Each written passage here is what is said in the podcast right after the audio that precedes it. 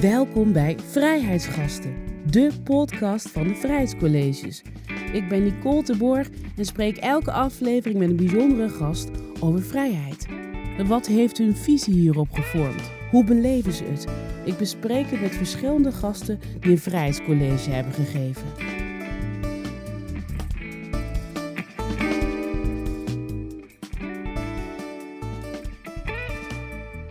Waarin voelde hij zich niet vrij als 14-jarige? Waarom gelooft hij niet in zelfcensuur? Vandaag is mijn gast rapper, theatermaker en dichter Fresco. Yes. We zitten midden in de coronatijd. Wat heeft COVID-19 gedaan met jouw gevoel van vrijheid? wow. eh, ja, ik denk dat corona bij mij gewoon... ehm, ja, vooral als artiest voel, ik me wel beperkt op een, bepaalde, op een bepaalde level. Want ik ben wel iemand die ehm, mensen benadert. Ik heb ook vaak dat denk van... Oké, deze artiest inspireert mij bijvoorbeeld. Ik moet met die persoon in de studio gaan. En eh, nou ja, de rap scene is ook al dat, dat zeg maar de helft is echt... De helft gelooft echt dat het een hoax is. En de andere helft die, weet je, die neemt het allemaal niet zo serieus, maar is wel voorzichtig. En dan heb je een klein gedeelte die gewoon wel echt zich aan de regels, regels houdt, zeg maar. Waar val jij onder? Ehm, ik ben gewoon, denk ik, gezond sceptisch. Maar ik durf, geen, eh, ik durf nog geen mening te hebben. Maar voor, voor de zekerheid ben ik wel heel voorzichtig. Ehm, ik heb ook meegemaakt dat ik een keertje verkouden was. En daardoor gewoon iets moest verzetten wat de maand daarop pas weer kon. Weet je? Dan zit je gewoon een maand lang weer gewoon, gewoon thuis.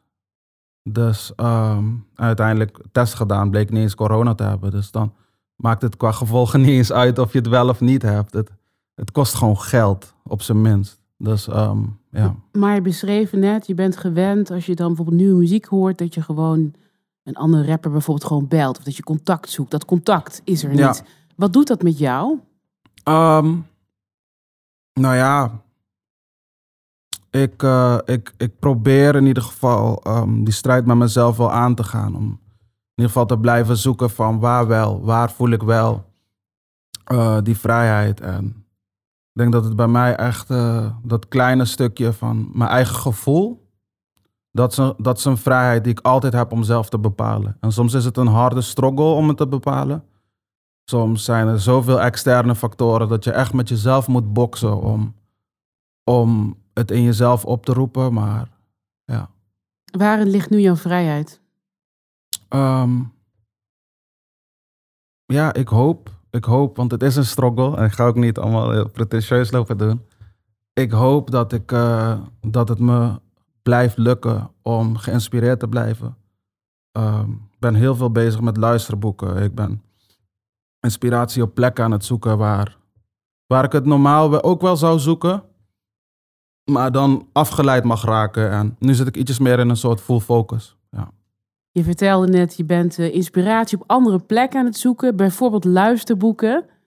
Wat ben je nu aan het luisteren? Wat heb je geluisterd wat indruk op je heeft gemaakt? Ehm, ik ben heel erg bezig nu met iets dat heet eh Tao Te Ching. Dat heeft echt te maken met Taoïsme. Eh, maar ook gewoon boeken, Art of War, dat soort dingen gewoon. Nou ja, gewoon eh, en het is voor mij echt leesvoer. Het is voor mij echt iets van, oké, zo ga je om met mensen. Je kan er zakelijke inspiratie uit halen. Maar uiteindelijk zoek ik dan ook wel dingen die ik kan vertalen naar mijn muziek. En gewoon zinnen waarvan ik denk van, oké, dit is, weet je, uiteindelijk... Of je nou met jezelf strijdt, eh, Hmm. of in een zakelijk conflict zit, of eh, echt in oorlog zit.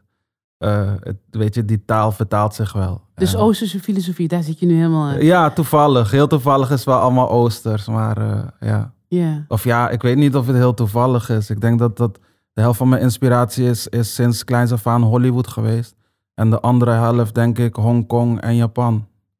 Dus eh, ja. Je hebt alle, die twee werelden. Twee werelden. Ja, het is, Ja. ja, heel toevallig. Ik denk dat dat, dat dat wel voor mij het ding was altijd. Ja. Ik ben kleins af, van kleins af aan. eh, Ik, ik wil even dat je me meeneemt naar Curaçao. Ik denk dan aan het nummer hè, van je oma. Het- Mhm. Het is een uh, Papiamento Villa, is dat zo? Willa, ja. Willa, precies, jouw Ja. Willa. Eh, je hebt van je zevende tot je veertiende in haar huis gewoond. Ja, Geboren in Eindhoven, daar, daar naartoe gegaan. ja. Neem me even mee naar het huis. Hoe, hoe zag het huis eruit? Het is een heel klein huis. Je komt, eh, op, het heet, eh, op een plek dat heet Steenrijkplein. En daar, ja, daar heb je zeg maar een boom in het midden. En om dat boom heen zitten er allemaal huizen. Echt aan elkaar vast. In een rondje. En voor de rest niks. En eh, een van de eerste huizen in dat, in dat straatje was van mijn oma. En het is echt maar een heel klein huisje. Ik denk... eh, Hoeveel kamers bijvoorbeeld? je had twee kamers en uiteindelijk is er in de tuin nog een kamer aangebouwd. Ehm, maar daar zaten mijn oma, eh, twee tantes van me, neven, regelmatig ook andere tantes die daar bleven. En, ja, en als het s'avonds was, dan gingen alle matrassen van de bank op de vloer. En eh, iedereen sliep overal. We waren, echt, we waren echt heel close. En door de week sliep ik, sliep ik gewoon thuis bij mijn vader. Want mijn vader had ook gewoon zijn eigen huis nog. Maar omdat hij zoveel druk was en mijn school was dichtbij mijn oma's huis, zat ik gewoon door de week dan eh, bij mijn oma en weekenden bij mijn pa thuis. Maar vaak zat ik ook weekenden gewoon bij mijn oma, omdat het, ja, strand was daar dichtbij. Dus het was daar ook best wel te doen of zo. En wat was haar rol? Want je vertelde, jullie woonden dus in een soort cirkel, stel ik me voor. Waar allemaal huisjes waren. Op de hoek was dus het huis van je oma. Mhm. Ehm, had zij nog een bepaalde rol dan op dat, dat plein, moet ik zeggen? Of kenden alle mensen haar? Hoe Ieder, was- iedereen kende mijn oma, zeker. Iedereen had ook heel veel respect voor mijn oma. Uh, maar ook binnenshuis. Ik weet niet of mijn oma ooit uh, gewerkt heeft. Ze had acht kinderen. Ik neem dat is werken hoor. Uh, absoluut, absoluut. En vooral, en vooral als je zeg maar... Hè, want mijn pa was acht toen uh, zijn vader, toen mijn opa stierf. Dus uh, zij, ja, ze moest het ook echt in er eentje doen. Um, en ik denk ook dat het die generatie is. Dat um, ik denk dat mensen dan ook kijken naar kinderen hebben als van oké. Okay, nu is het zo van hoe meer kinderen ik heb, hoe meer kosten. Maar ik denk die generatie was meer van hoe meer kinderen, hoe meer hulp. Dus, uh, dus het was heel normaal. Iedereen had zijn, zijn taken en iedereen werkte en pitchte in. Dus ik had nooit het idee dat, dat het een klein huisje was of dat, dat, het, ja, dat het armoedig was of zo. Totaal niet. Wat heeft ze jou gegeven? Um, ja, iets wat ik wel heel veel mis nu. Ik denk uh, echt, echt, uh, ik ben heel familiair. Ik ben iemand die, maakt niet uit waar ik kom. Ik ben gewoon open naar mensen toe. Ik ben gewoon. Uh, en ik denk een soort spirituele, ja, spiritueel besef. En het is heel moeilijk om, om, dat, om dat in woorden te vertalen. Ik, ik merk als ik, als ik het woord God al laat vallen, heel vaak mensen, vooral hier in Nederland of in het Westen, zien mensen het woord God of het woord religie als iets van, oh, ik had jou slimmer ingeschat. Zeg maar, het hoort niet bij intelligentie of zo. Maar vind je dat erg als mensen opeens zoiets tegen jou zeggen of anders naar jou kijken? Omdat um, zij een waardeoordeel hebben over nee, God? Nee, niet per se, omdat ik weet, woorden zijn woorden. En als ik zeg maar het woord God vervang voor het universum of de natuur, dan is iedereen weer met me. Dus um, ja, ik denk dat mijn ding is ook gewoon. Je kan al, iedere boodschap gewoon vertalen als je maar de juiste woorden vindt. Um, maar. Dat spirituele, zei je. Dat ja, ja. Het spirituele heb je van haar. Zeker, ja. En wat, wat, wat, wat, wat, was zij? Um, was zij uh, christelijk of gewoon was ze spiritueel? Mijn oma was echt, echt katholiek. Katholiek. Ja. Dus er waren Jezus en Maria beeldjes in huis. Ja, ja gewoon echt uh, beeldjes, maar ook uh, rozenkransen. En uh, ja, de eerste keer dat ik naar de kerk ging, zag ik één grote witte Jezus onder bloed naar mij kijken. Zo, wat heb je gedaan? Super eng. Midden in de kerk. Dus uh, ja, dat, dat, dat was de vibe. De witgewassen Jezus. De, ja, de witgewassen Jezus, laten we zeggen. Ja. Ja, dus... Uh, Hey, je oma, ja. je hebt dus geleerd hè, dat spirituele, maar in een nummer heb je het er ook over van, ik hoop, even kijken, hoe zeg je dat? Um, even kijken. In een ode, hè, dat nummer, zeg je, hopelijk krijg ik je lessen aan mijn dochters geleerd, mm. zeg je. Ja. En welke lessen zijn dat? Mijn oma is, is iemand, ze is heel autoritair, maar ze heeft nooit haar stem verheft. Mijn oma is iemand die gewoon maar een paar zinnen hoefde te zeggen en ze zei precies het juiste. Ze is iemand die um, jou kon helen door gewoon te zeggen wat op dat moment nodig was. En het, het zijn hele basisdingen die gewoon, die gewoon bijblijven tot de dag van vandaag. Als ik, hè, ik bedoel, in de rapwereld eh, inmiddels, ik zit al twaalf jaar geld daaraan te verdienen. Dus je maakt ook dingen mee. Je, hebt te maken met mensen, geldwolven, haaien, hoe je ze wil noemen. Mhm. En eh, ik, ja, ik neem wel dat altijd een beetje mee. Van luister, als jij gewoon open en oprecht bent, weet je, je kan al je kaarten open op tafel gooien. Dat betekent misschien dat je kwetsbaar bent, maar einde van de dag loop jij altijd weg. Ehm, zonder dat iemand de vinger naar jou kan wijzen van je hebt dit verkeerd gedaan of je hebt dat verkeerd gedaan. En, en iemand anders die op dat moment niet open is, die zal niet met hetzelfde gevoel weg kunnen lopen. Dus op lange termijn denk ik dat het me zakelijk veel meer heeft gebracht of zo. Die, ja, zelfs op zakelijk level heeft, heeft mijn oma gewoon mij wel echt... eh, Maar wat door wat zij jou heeft geleerd, door gewoon eh, helder te zijn, duidelijk te zijn, Ja. eerlijk, dat is het. ja. Hou je daar ook de geldwolven mee weg?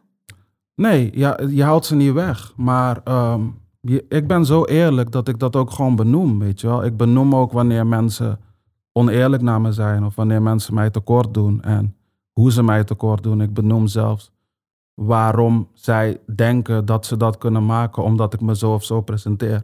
Weet je wel, dus ehm, ik, leg een zo, ik leg een stukje morele verantwoordelijkheid bij. Bij de mens zelf. En, en ja, zo beweeg ik. En als ik iemand dan ook uit mijn leven snij, dan weten ze precies waarom. Maar heb je als je iemand ontmoet dat je dan gelijk door hebt wat, je, wat iemand voor je hebt? Of je Oh ja, absoluut. Ja? Ja, ja. Hoe ik, weet je eh, dat? Wat is dat? Ja, ik zou zeggen, zeg maar dat, dat God met me praat, maar dan, dan zou iedereen dan zeggen, ah, deze jongen is helemaal gek geworden. Ja, maar dat, laat, dat hoef je niet meer te zeggen. Precies. Maar mocht ik dat, diezelfde boodschap naar instinct vertalen of ehm, ervaring, weet je. je, je schudt mensen de hand. Je weet wanneer iemand heel veel praat over geld, wanneer iemand heel veel praat over. eh, en het is heel grappig, het zijn juist de mensen die vaak zeggen dat ze iets niet zouden doen. De hele tijd van tevoren zeggen: Ik zou dit nooit doen, ik zou dit nooit doen. Ik ben betrouwbaar, ik ben betrouwbaar. Dat zijn wel de mensen waarvan ik zoiets heb van: Oké, afstand. En geeft dat jouw vrijheid, dat je deze mensen kennis hebt? Dat, dat extra gevoel? Ehm, vrijheid, ja. Ja, zeker. Ja. Omdat, omdat ik, ik... Daardoor weet ik, weet ik me veilig te manoeuvreren. Zelf kom ik uit Brabant. Nu Mhm. weet ik, jij bent in Eindhoven geboren. Na een tussenstop in Curaçao van zeven jaar ben je teruggegaan. Je woont nu nog met jouw eh, gezin. Mhm. Ehm, zelf moet ik er niet aan denken om hier in Brabant te wonen. Als ik heel eerlijk ben. Oh, is ook niet erg. Maar- Zelf moet ik er ook niet aan denken om in Amsterdam nee, te nee, maar ik wonen. wil, nee, Dus, nee, nee, eh, nee, nee, nee, ik wil je even vertellen, want ik wil dat je me uitlegt. Want kijk, ja.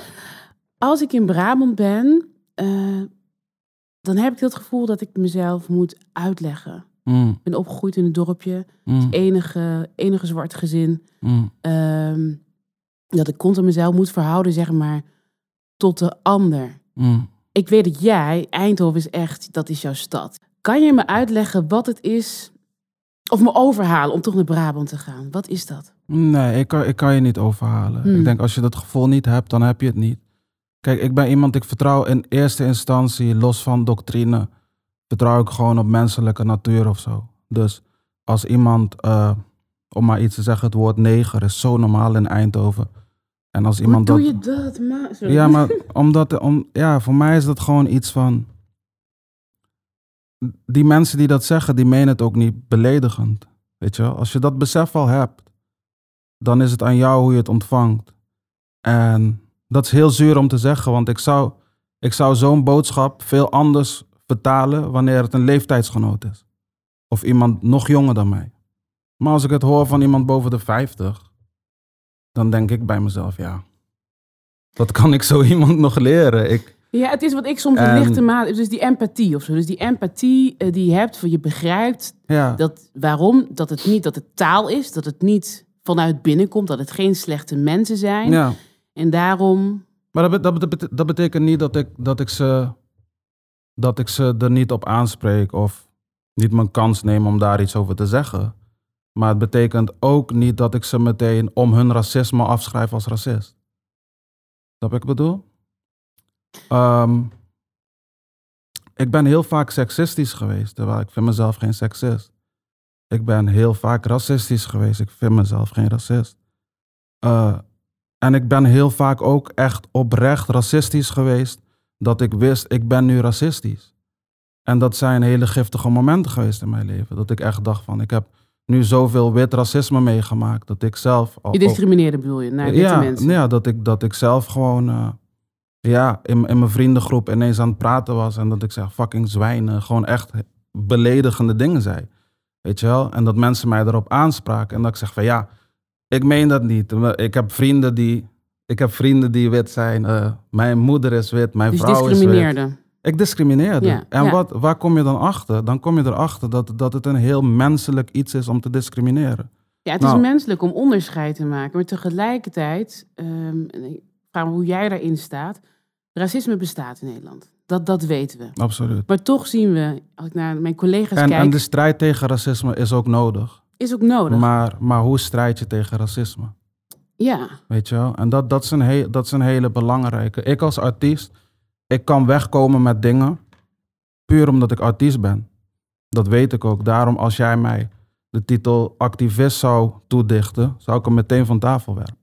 Omdat ik wil dat niet. Ik, ik, ik, denk dat, ik denk dat het me goed uitkomt creatief om nooit de titel activist te dragen. Om nooit de titel politicus te dragen. Want zodra ik dat doe, mag ik niet meer doen wat ik doe. Want er zit, er zit een, een bepaalde norm van fatsoen aan vast, weet je. Het is een uniform, als je hem draagt, dan moet je ook weten hoe je beweegt, vind ik. Dat is tegenwoordig ook niet meer het geval. Ik merk dat heel veel mensen activistisch willen zijn of politiek betrokken willen zijn. Maar ondertussen ja, ook walgelijk gedrag vertonen. Aan alle kanten van het spectrum. Maar ik wil eerst nog even teruggaan naar um, racisme. Racisme bestaat in mhm. Nederland, maar waarom mogen we, als naar de koppen kijken van collega's, mhm. het woord racist komt bijna nooit in een kop voor. Terwijl het misschien een racist is, terwijl het racisten zijn. Je weet misschien wat er pas is gebeurd bij de Black Archives. Waar uh, ja, mensen echt, ja. Nou, dat waren racisten. Dat is echt racisme. Ja, precies. Dus Absoluut. maar, die, maar die persoon die gewoon zegt van... Uh, ik denk dat ik wel weet wat je bedoelt. Dat je te maken hebt met alle ja, racisme. Ja, gewoon die zegt van... Uh, je kan goed dansen, hè? Of zoiets. Of zoiets, ja. Weet je, dan denk ik bij mezelf van ja, moet ik dan nou echt, uh, moet ik daarop afhaken? Ik vind, ik vind het ook echt een mooi iets aan Eindhoven dat je, dat je, um, dat je niet in zo'n giftige wereld zit. Dat, dat, want dat polariseert ook, hoe je het went of keert. En dit, dit, ik weet dat het nou geframed kan worden als victim blaming. Van, uh, wanneer je dingen, wanneer je mensen op een racisme aanspreekt uh, dan, dan, dan maak je meer racisme. Of wat heel veel racisten ook zeggen. Maar bear with me. Wanneer je um, eerst het menselijke ziet en dan mensen aanspreekt op hun verantwoordelijkheid of iets wat ze gewoon niet weten, dan ben je beter af dan als je iemand eerst wegduwt en dan gaat zeggen waarom.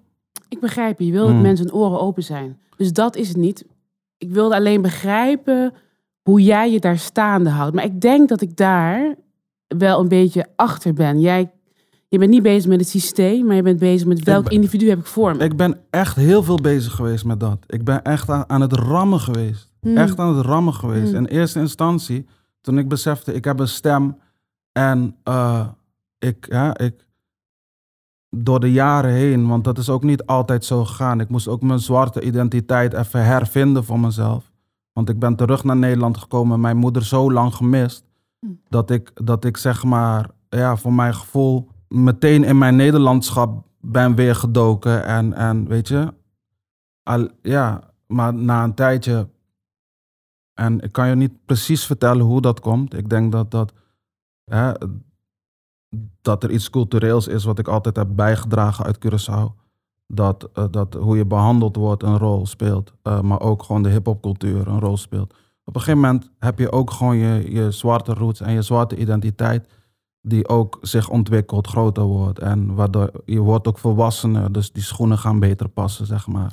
Um, je hebt jezelf gevonden. Juist. En, en toen was er een moment dat ik echt daarvoor wilde strijden. Dat ik echt dacht van oké. Okay, want ik heb meegemaakt bijvoorbeeld dat ik in de bus zat, dat een buschauffeur super racistische shit zei. Dat ik niks durfde te zeggen. Heel de bus naar mij keek van pik je dat? Hoe oud was je? ik was nog jong.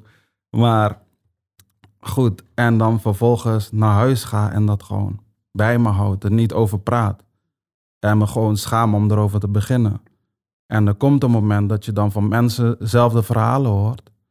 Tegelijkertijd op tv ziet van blijf met je poten van onze buschauffeurs af, noem maar op. Maar het dat is, er- herkenbaar, het is dat herkenbaar. er bij mij iets zo ging van, hè, wacht eens even.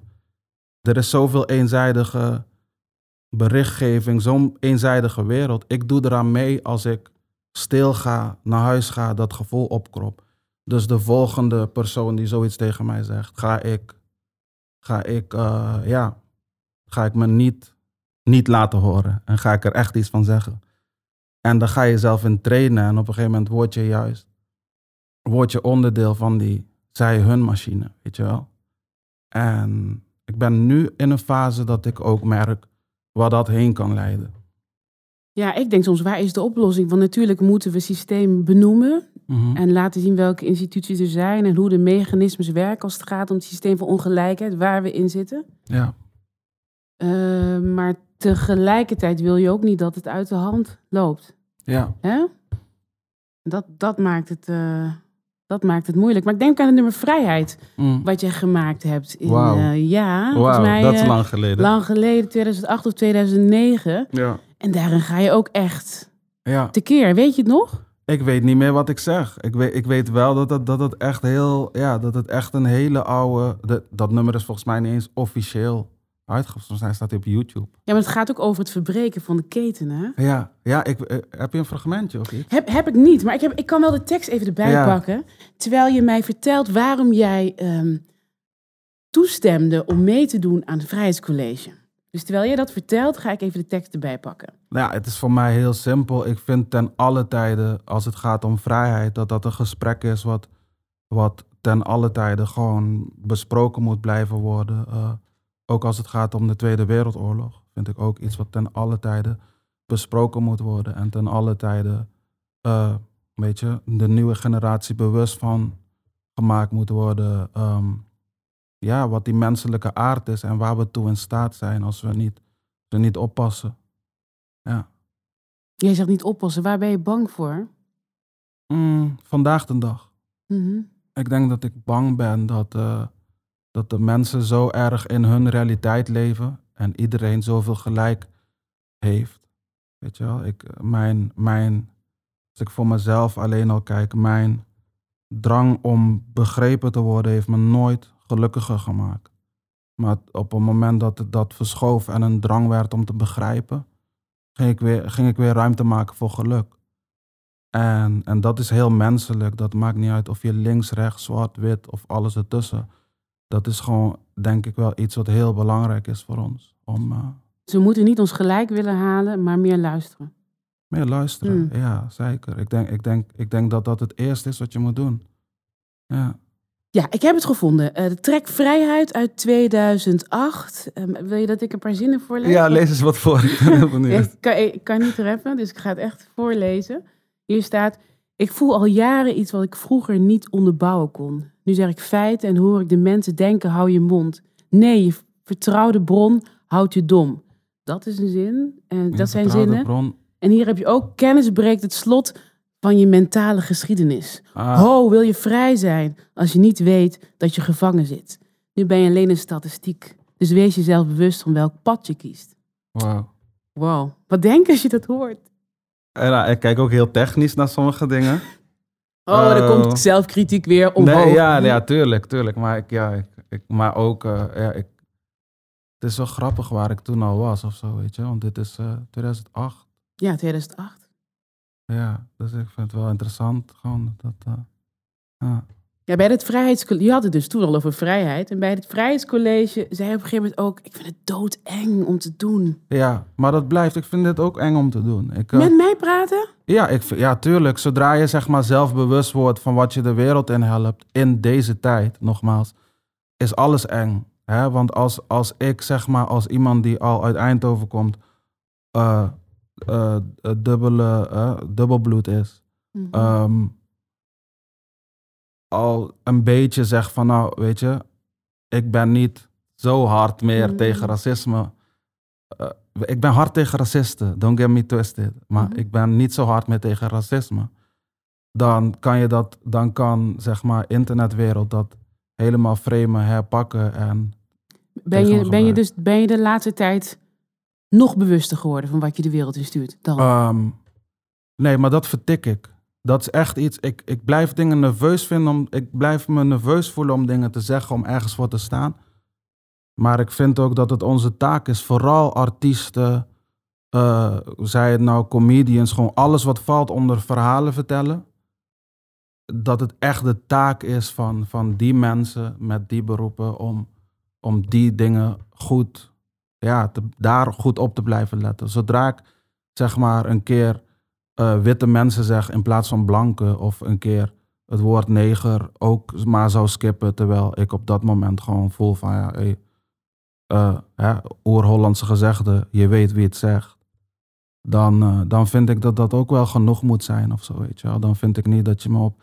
Iemand is niet op, op technicalities racist. Dus je gelooft nog steeds niet in zelfcensuur, hè? als je jezelf denkt. Absoluut niet, zeker niet. Ik vind ook bijvoorbeeld, ik ben door de jaren heen, ik heb een hele spirituele tocht gemaakt. En ehm, ben ook moslim. Dat is ook iets wat ik niet mee te koop loop, wat echt iets persoonlijks is voor mij. Maar ehm, toen er een paar, toen er kort geleden een petitie rondging om die Mohammed cartoon, zeg maar, om dat te verbie- verbieden, heb ik meteen gezegd, ja, dat ga ik niet doen. Ik ga dat niet tekenen, want dat zou me hypocriet maken. Tuurlijk zou ik het heel leuk vinden als iedereen daarmee stopt. Tuurlijk. Ehm, maar wat zou dat betekenen? Waar houdt het morgen dan op? Weet je wel, wat, wel, welke boodschap stuur ik aan mijn medemakers, mijn medeverhalenvertellers, noem maar op. En wat vind je dan het mooiste aan de islam? Oh, dat is moeilijk te zeggen, want de islam is echt breed. Ehm, er, was, er was een passage in de Koran Mhm. waarin eh, God zegt, en ik ga paraphrasen, want ik kan het natuurlijk... Gaat om de boodschap. Precies, maar kwam erop neer van, ik heb jullie geschapen in verschillende stammen, talen, geloven, religies, zodat jullie elkaar weer zouden ontmoeten. Weet je, dus eigenlijk weer die grenzen breken en van elkaar zouden leren Wat het universele is. om, om weer wijzer te worden, weet je wel. Dus in andere woorden, ik heb verschil alleen maar geschapen zodat er een hogere wiskunde kan ontstaan. En dat, dat vind ik een, een van de mooiste, meest islamtyperende dingen. Is. Verbinden.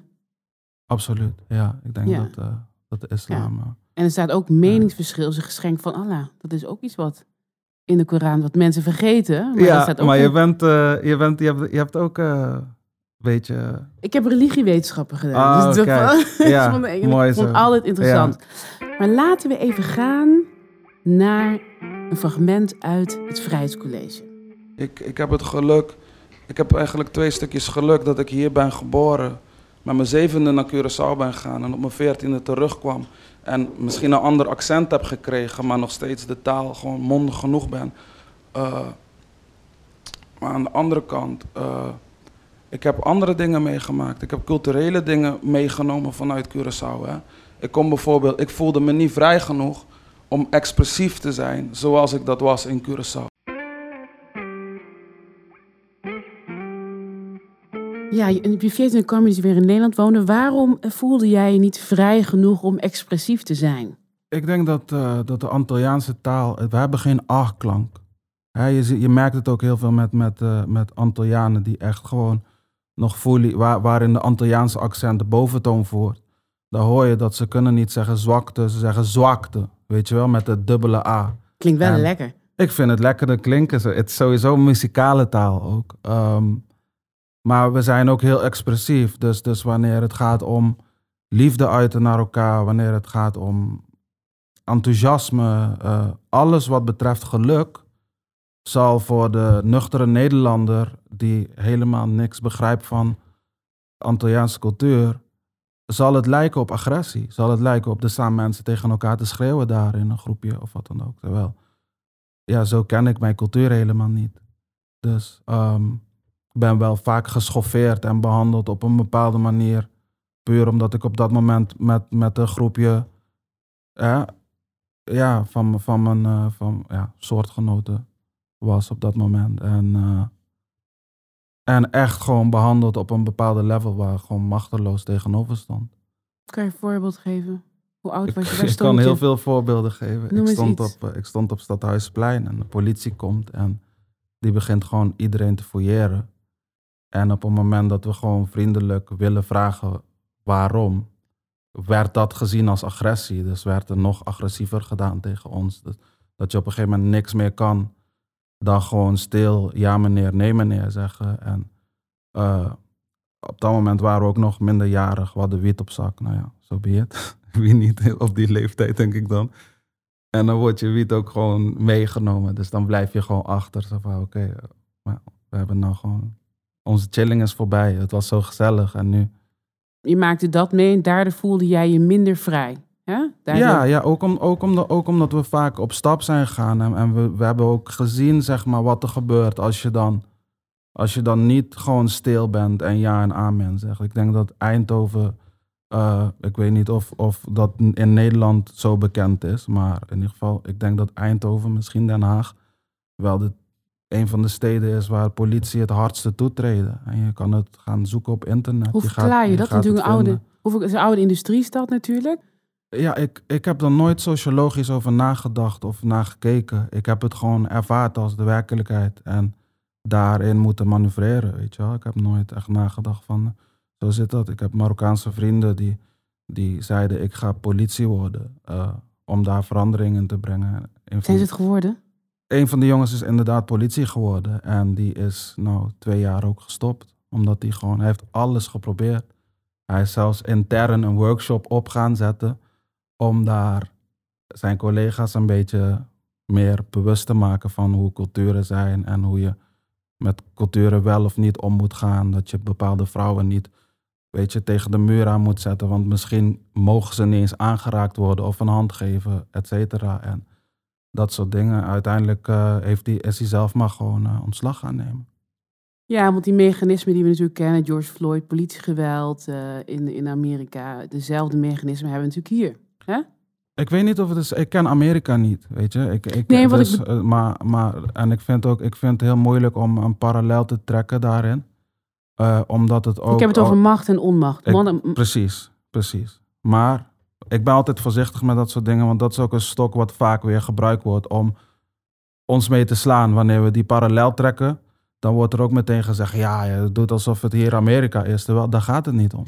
Het Nee. gaat gewoon om een situatie die oneerlijk is, die gewoon al lang had moeten stoppen. maar er zijn onderzoeken waaruit blijkt dat in Nederland ook politiegeweld is. Ja, We hebben de 400 jaar koloniale geschiedenis. ja maar ik, ik, heb, ik heb niet de behoefte om dat parallel te trekken. Hmm. Dat heb ik niet. Misschien Hmm. als activist zou ik dat hebben als ik activist was. Want als je Mhm. activist bent, moet je opportunistisch zijn en springen op iets wat op dat moment een wave is. Om te zeggen van we gaan. Maar ik heb dat voor mezelf niet. Ik, ik, ik kijk gewoon heel nuchter ernaar en ik denk van joh, dit had al lang niet zo meer moeten zijn. En eh, ik, ik, ik, ik heb ehm, zoveel onderzoeken voorbij zien komen. Ik denk dat ik eh, sinds ik in Nederland ben, als het gaat om racisme in onderwijs, racisme in de arbeidsmarkt en racisme bij politie, al vijf keer of zo voor, het, voor de tv heb gezeten en heb gezien dat er weer een onderzoek was. En iedere keer wordt er zogenaamd weer nagekeken. En dan komen er zelfs onderzoeken om te kijken of de onderzoeken wel gelden. Weet je? En uiteindelijk gebeurt er niks. En, Nee, ik, ik haalde het aan om het over te hebben dat ik vergelijk het met Amerika. Niet dat ik het met Amerika vergelijk, maar net als dat je daar institutioneel racisme hebt, Ja, heb je het hier ook. ja. Je houdt niet van het parallel. Dat is, dat is Nee. Dat nee om, puur omdat ik, ik weet ook wa, wat ermee gedaan wordt. En ik, vind, het- ik, vind, ik zou het jammer vinden van dit gesprek. Ja, als- moeten we ons daarom in gaan houden? We moeten ons niet inhouden, we moeten ons indekken. Oké, Ja. slim. Ja, Die is slim. Ik wil nog even gaan. eh, oh nee, ik wil eerst. ehm, je zegt taal kunnen beheersen is een privilege, zeg in jouw Mhm. college. En jij beheerst taal als geen ander. Hè? Het is jouw middel, het is jouw kunst. zijn mensen beter. Ik vind Mark Rutte beter in taalbeheersing Oh, dan ik. Je dat? Wat absoluut. Mark Rutte is de beste. Vertel. Hij is de Vertel- beste, kom op man. Mark, Rutte, Mark, Rutte, Mark Rutte kan in principe zeggen fuck Nederland op een manier dat Nederland gewoon in zijn handen klapt en zegt nou, hij doet het wel goed.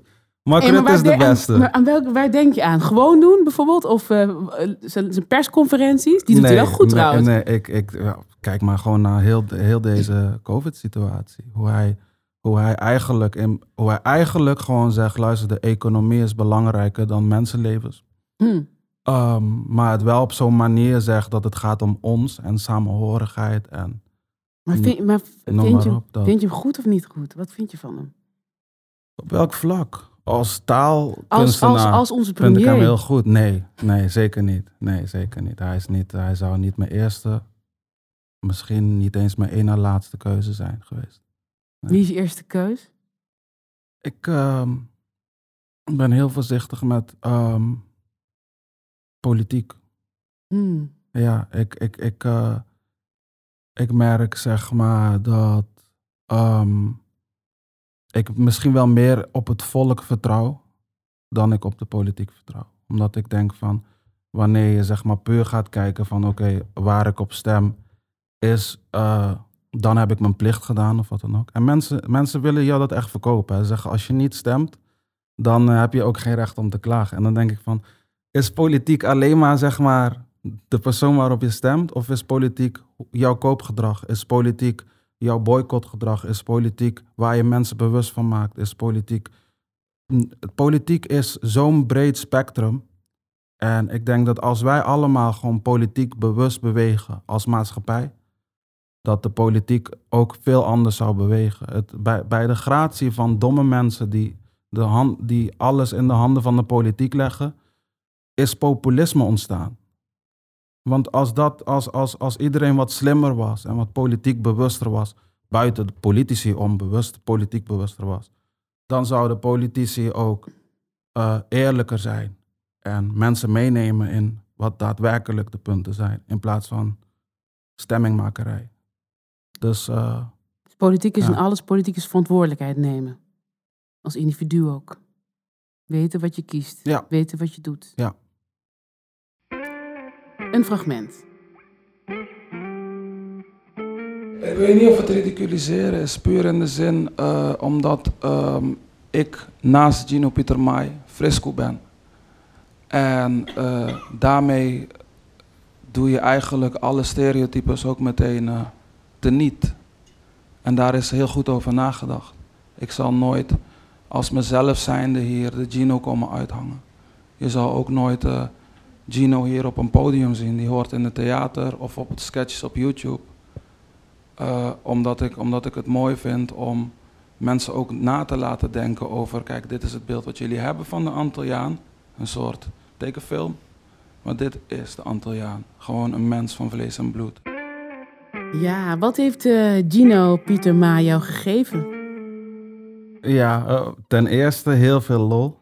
Ik denk heel veel lol. Ik denk dat, eh, ehm, dat ik echt vooral in de eers- eerste jaren van Gino Pieter Mai, voordat het zo ontplofte, eh, heel veel lol mee had. En ja, ook heel veel hoofdpijn en heel veel, ehm, ja, als je het hebt over echt racisme, echt racisme voelen, dan is, eh, dan is Gino Pieter daar wel echt, eh, heb ik dat als Gino wel heel erg gevoeld, ja. Dat je er ook echt niks aan kan doen. Dat er een camera op je neus wordt gezet. Gewoon als in kids die filmen. En eh, iedereen begint, begint wat te roepen. En ik kan niet uit mijn rol treden, omdat ik op dat moment gewoon daarin zit. En ik wil niet op beeld eh, staan dat ik mijn bril en eh, mijn Gino-kostuum uitdoe, zeg maar. En die jongens aanspreken op hun fatsoen. Dus je moet in die rol jezelf proberen te verdedigen. Terwijl er apengeluiden worden gemaakt en noem maar op. En, je zit daar gewoon van. Ja, en je kijkt naar, naar mensen van iemand pak die telefoons af of eh, schop die jongens weg. Of, Ja, als je luistert, Ja. kan ik me niet voorstellen dat, dat je Gino niet kent. Maar om Ja. even uit te leggen, zijn alter ego, Curaçaoenaar. ja, Met eh, helemaal versierd met goud. En eh, ja, dat is gewoon echt eh gouden tanden. gouden tand. Precies. Gino Pieter Mai praat zo. Mm. Ja. Precies. eh, en het is gewoon. eh, Het is ook gewoon heel leuk en het is ook grappig, want het, ergens is het heel herkenbaar. Ik bedoel, het is, ik heb het wel, zeg maar, cliché is niet voor niets cliché. Maar je, Het is een uitvergroting om er wat mee te doen. Ja. Precies, maar je vergroot het zo uit dat er niks menselijks meer overblijft. En dat is heel gevaarlijk. Ook omdat, ehm, om- omdat we weten dat dat soort karikaturale dingen ook op de verkeerde manier gebruikt worden. Ehm, Je grijpt je kracht ook terug, hè, als alter ego, toch? Je grijpt je kracht terug. Juist, ik, ik heb al, ten alle tijden, ik heb zeg maar op, de, op, op Nederlandse televisie gewoon recht in de camera gezegd van dit vinden jullie leuk hè, blanke spillenpoot, weet je wel. En dat soort dingen, dat, dat, als Gino kan je dat zeggen, het past bij zijn, bij zijn typetje. En, hè, Als om- Roy kan je dat niet zeggen. als Roy, als Roy wordt het moeilijker. ik heb het nog steeds wel gedaan, maar dan wordt het moeilijker. En ja, ik moet natuurlijk ook denken aan Willy Keurig. Ja, Willy Keurig is een, eh, een Brabander die Ja. echt los gaat. Het is natuurlijk een pro- pro-Zwarte Piet en hij zegt alles ja, wat heel veel mensen denken. Hij zit daar met een eh, enorme buik en een soort houthakkersblouse voor, eh, achterovergezakt met, een- met bier natuurlijk. ja, En hij vertelt alles. ja. Hoe is het om, om, om Willy te zijn? Ja, heerlijk. Ja, hoe moet ik, dat, wat moet ik ervan zeggen? Ik vind het heerlijk. Hoe is het om, om zo'n... om- het is een racist, hè? Hallo. Hij is, hij is puur, hij is puur racist. Ja, hij is puur racist. Ja. Ehm, maar hoe, ja, hoe is het om hem te zijn? Kijk, op dat moment eh, ben je heel met, bezig met verschillende dingen. Je bent bezig met En humor. wit gesminkt, hè, moeten we erbij zeggen. Wit gesminkt, ja. Ja, wit Ja. gesminkt. Dat is ook belangrijk. Mhm. Ja, zeker om, om te zeggen. Ja. Ehm, maar ja, je, bent gewoon bezig met wat is grappig. En het, het, het, het, het, eigenlijk het grappigste, maar ook het trieste aan heel de situatie is dat heel veel dingen die Willy zegt, zeg maar 90% van wat hij zegt, kan je gewoon op het internet plukken van mensen die echt bestaan, die geen karikatuur zijn. Ehm, dat maakt het ook weer pijnlijk voor me. Net als dat Gino soms pijnlijk is en hoofdpijn voor me is. Ik wil, ik wil niet dat, ik wil niet dat Gino wordt gebruikt om, om Antillianen voor schut te zetten. Maar ik wil ook niet dat Willy gebruikt wordt als een mascotte voor de pro-pieten. Hoe Dus- wil je, hoe wil, gebeurt dat dan? Ik denk dat er heel veel mensen de intelligentie niet hebben om, om te zien, zeg maar, dat ik een spiegel probeer voor te Dat houden. het theater is. Hè? Ja, dus ze zien gewoon een opsomming van hun meningen. En ondanks het feit dat we altijd een soort punchline inschrijven, waardoor je ziet, ook al, weet je, waardoor je ziet van het is, het is als eh, spiegel bedoeld en het is bedoeld om te laten zien hoe nonsensical, zeg maar, die mindstate is. Dan denk ik dat alsnog gewoon, eh, er gewoon echt mensen zijn die hem een held vinden, ja. Ja, ik zie het ook echt als karakters. Met meerdere, Ik heb, meerdere eh, lagen. Ik heb zeg maar de la- het laatste filmpje wat ik heb gemaakt over Zwarte Piet, heb ik, heb ik heel lang na zitten denken van wat gaan we ermee doen. En toen heb ik geen Willy gebruikt. En toen heb ik expres, eh, heb ik expres eh, een, een ander universum ge- eh, gecreëerd. Waarin ehm, hebben we een ander, ik moet even Timon ook erbij noemen, de jongen. die je bent een team, ja. Precies. En we hadden echt een universum gecreëerd waarin zeg maar donkere mensen een racistisch figuur die witte mensen uitbeeldt als varkens ieder jaar vieren, Roze Piet. En waarin heel veel dingen racistische kenmerken en Ja, zoek het op op YouTube. hè? gewoon dingen zoals pedofilie zelfs naar boven kwamen, et Ja. cetera. Gewoon echt beledigende stereotypes. Gewoon puur om, om duidelijk te maken van, luister, als dit filmpje niet kan, wat ik ook echt niet vond kunnen uiteindelijk. Weet je, maar je gaat andere manieren vinden ook. En, en dat, eh, dat is het ook voor mij, zeg maar, die typetjes leven. Maar uiteindelijk zou ik het wel goed vinden als mensen wel begrijpen, zeg maar, dat het is niet alsof ik meerdere eh, artiesten heb of zo. Voor mij is het gewoon een middel om. Om je boodschap Ja, duidelijk te maken. precies. Ja. Ehm, ja, jij hebt niet. ehm, je hebt twee colleges gegeven. De Mhm. la- laatste was een paar weken geleden. Mhm. Daar eh, droeg je een tekst in voor van het nummer eh, Donkere Gedachtes. Laten we even luisteren. Leg het probleem van jouw systeem niet bij het volk neer. Want je bent een onderdeel van waar ik tegen protesteer. Ik heb geen zin om aan mijn woede op te kroppen meer. Te veel pijn om rekening te houden met je trots en eer. Leg het probleem van jouw systeem niet bij het volk neer. Heb daden nodig, ik vertrouw je niet op je woorden meer. Ik vergelijk je leugens met elkaar en zie de waarheid. Je ziet niet wat ik zie, toch is hetzelfde waar je naar kijkt. Want morgen is mijn pijn niet relevant. Is mijn woede dan gerechtvaardigd voor je? Nee, dan sta je niet meer naast mij. Donkere gedachten. Te lang hier in het donker aan het wachten om jou nu te laten pronken met mijn lasten. Wat wilde je vertellen met deze tekst? Uh, ja, ik denk dat het heel kort op, uh, door de bocht is om te zeggen dat dit mijn Black Lives Matter liedje is.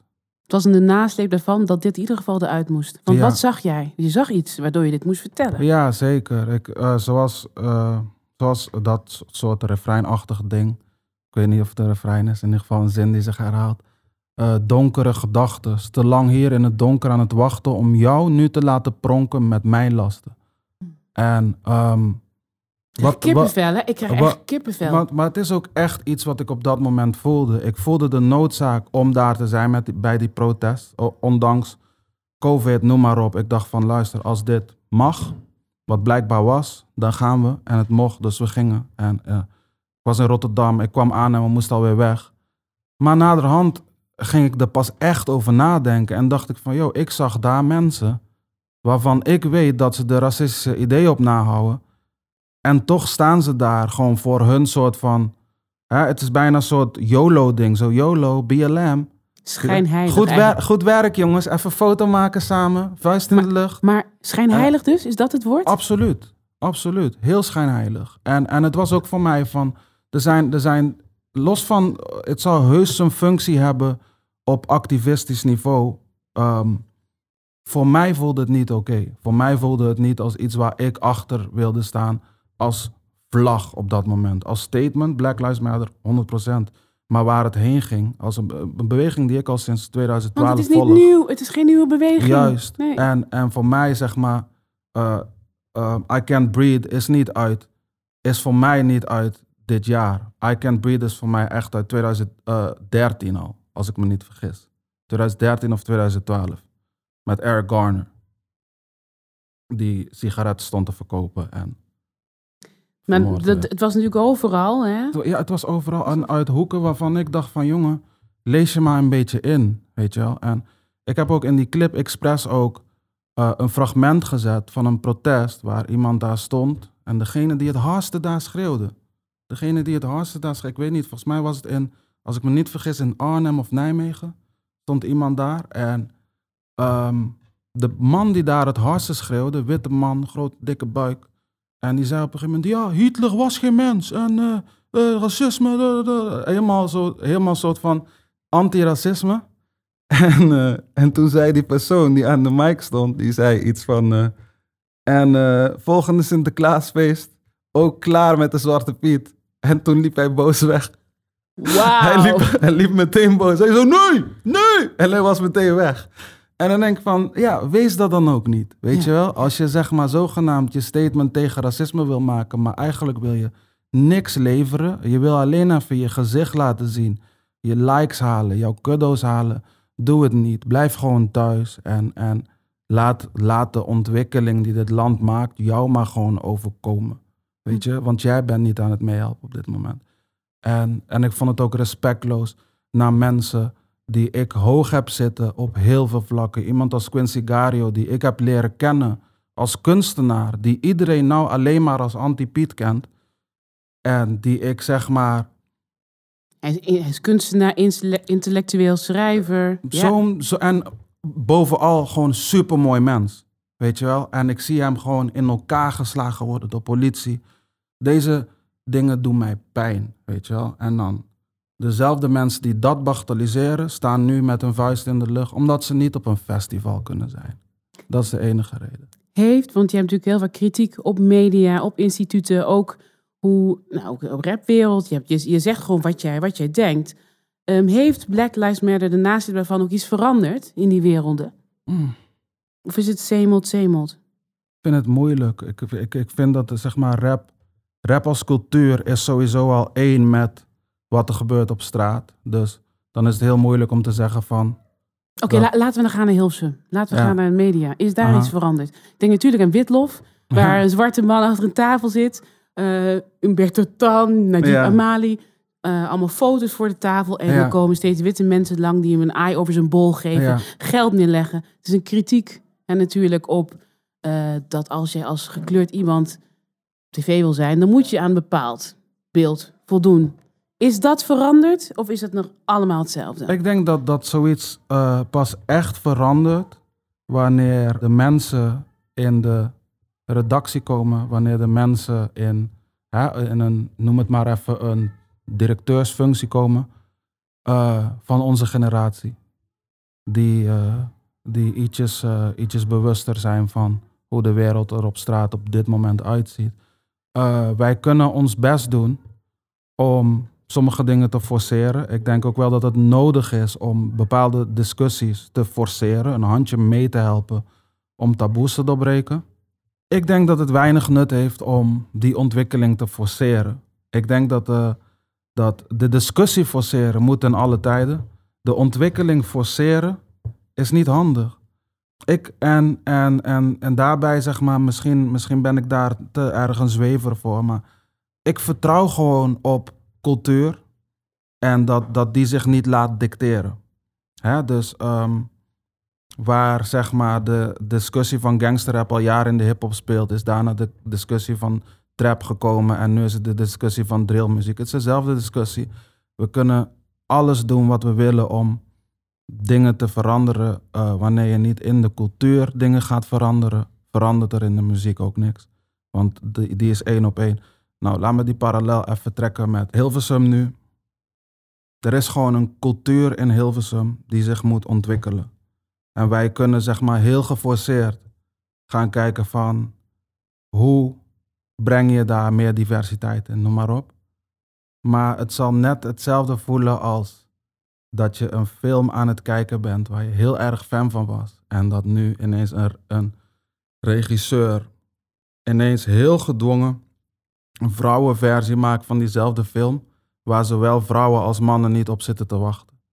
Weet je wel? Maar wat, Ehm, ze- maar wat je eerder noemde, is, is dat wel. Dus dat je op bepaalde plekken in Hilversum meer inclusiviteit wil. ehm, Dat- in- laat me, inclusiviteit is, Ja, dus is, dat je meer is, heel, is heel breed. Hè? Mhm. Ik vind Arjen Lubach een van de beste dingen wat als het nu gaat om zeg maar inclusiviteit, als het gaat om diversiteit, ondanks het feit dat hij een witte jongen is met roze wangetjes, vind ik dat hij een van de beste dingen is als het gaat om inclusiviteit. Want het, het, is, het is alsnog een vertrouwd gezicht. Het voelt niet raar voor, voor mensen om naar te kijken. En ondertussen is hij van deze generatie, snapt hij heel goed wat de, hoe de straat praat, hoe, hoe- noem maar op. Kan hij de thema's vertalen naar de eh, gemiddelde 50-plus kijker op een manier dat maar inclusief ze... is breed, hè? Dat is, dat is Precies, dat is, dat Precies, heeft met maar, maar, platteland, stad te maken, heeft met alles te maken. Precies. Met hetero, homo. En, en ik ben heel bewust ook van het feit dat ik heb te veel mensen gehad die als het ging om dit soort discussies tegen mij zeg- zeiden van ja, maar ja, jij wilt toch ook niet een baan hebben puur omdat je zwart bent. Weet je wel, dan denk ik van nee, maar ik weet ook dat ik jouw baan kan krijgen puur omdat ik kan en niet omdat ik zwart ben. En ik krijg hem niet omdat ik zwart ben. Weet je wel? Dus los daarvan weet ik wel dat er iets klopt of niet klopt. En dat, en dat eh, als de kaders al te wit zijn, moet je daar niet willen zijn. Weet je wel? Dus je moet een Create your own table, je eigen tafel. nou ja, in ieder geval een cultuur laten ontstaan waarbij het logischer is. Weet je wel? Daarom is ehm, Wat Brian Elstok bijvoorbeeld zegt, van kijk, als je niet uitgenodigd wordt op een feestje, dan moet je maar je eigen feestje creëren. En, ja, en dan zie je vanzelf dat ze naar je toe komen, wat ook heel vaak gebeurt. Ja, ja, eh, ja, en aan de andere kant gewoon ook vertrouwen op het proces. En ik zou, ik zou denk ik. eh, en dit, dit, is, dit is eigenlijk best een brede discussie als ik er nu over ja, nadenk. we zijn, ja. Want, ja, ja. want er, zijn, er zijn te veel vlakken, zeg maar, hierin om. Maar ehm, ja, ja. eh, dat is geen bottom line voor mij, maar ja. Daar, aan die sta tafel- er wel achter. Want ja. aan die tafel zag je verschillende gezichten, Humberto Tan, ja. Najib Amali, maar eigenlijk hoor jij er ook bij. Jij wordt ook omarmd. Nou, ik zal je vertellen dat dat het enige is waar ik spijt van heb in die clip. En dat meen ik, hè, want ik heb heel veel van die, van die mensen wiens gezicht we daar hebben gezet, heb ik gesproken. En toen midden in zeg maar, die gesprekken daarover, van oké, zo steek ik hem in en zo bedoel ik het. Van niet van, hey, jullie zijn eh, Uncle Tom's. precies, Mhm. maar meer van, luister, jullie begrijpen deze pijn ook heel goed. En voor de, we hebben gewoon vertalende gezichten nodig voor de, voor de witte kijker van waar hebben ze het over. Dus, en toen dacht ik, ja, ik hoor er eigenlijk ook bij. Maar aan de andere kant, ik weet ook niet of ik zo, zo daar thuis, ik, weet, ik ben geen tv-gezicht. Maar ik weet niet of zij zich daar thuis voelen hoor. Ik denk dat ze allemaal op hun plek eh, vechten. Maar jij bent wel iemand. No, ze hebben jou graag aan tafel. Bij een vooravond, Ja. bij M, bij op één. Ja, Dus, en ik eh, krijg ook heel vaak te horen, jou verstaan we tenminste. Wauw. Ja, Wat dus, zeg je dan? nou ja, de eerste keer dat, dat, dat ik dat hoorde eh, van... Een microagressie in je, in your face. Maar ik, ik, heb, ik heb wel gewoon dankjewel gezegd. En dat, dat is echt het, het, het, het, het lelijkste eraan. Dat ik gewoon even niet wist hoe ik er mee om moest gaan. En Maar dat weet je ook niet. Als, dat, weet je ook niet bij zo'n opmerking. Dat is echt zo'n opmerking denkt, oké, wat moet ik hiermee? het enige wat je dan het kan is een zeggen... partizaan gewoon. Die komt echt uit het... Je denkt, het Ja. enige wat je kan zeggen is, wat bedoel je? Dat heb ik nu hè, met dat soort opmerkingen. Zeg Ja. wat bedoel je? En dan is het me ongemakkelijk. Het is oké. ja. We hebben veel te lang gesproken. Dus we zijn eh, aan het einde gekomen. Ehm, ik wil nog wel dat jij de luisteraar even iets, iets moois meegeeft. Wat kan de luisteraar doen als het gaat om vrijheid? Om zich, zich beter te voelen? Wat, wat, wat, kan hij of zij doen? Ik denk, het is nou, het is nou coronatijd. Corona-time klinkt iets eh, gezelliger. Hè? Corona-time. Eh, ik denk dat het vooral belangrijk is dat we, ondanks het feit dat het een soort van quote-unquote niet mag, probeer toch het ons gevoel in leven te houden. En wees daar creatief mee. Weet je wel? Ik zeg niet dat je illegale feest moet gaan geven. Maar wees wel gewoon creatief met hoe je het ons gevoel als land, als bedrijf, als hoe je het ook wil, waar je ook maar staat, dat ons gevoel levend kan houden. Dankjewel voor dit gesprek, Fresco. Dank je wel. Dit was Vrijheidsgasten, een podcast van de Vrijheidscolleges. In de volgende aflevering spreek ik met Natasja van Wezel. Deze podcast werd mede mogelijk gemaakt door het Prins Bernhard Cultuurfonds. Redactie was in handen van Marije, Trix en Jelmer. De techniek door Lieve. De muziek is van Steven Ivo. Vanuit podcast Werkplaats Tolhuistuin in Amsterdam. Dank voor het luisteren.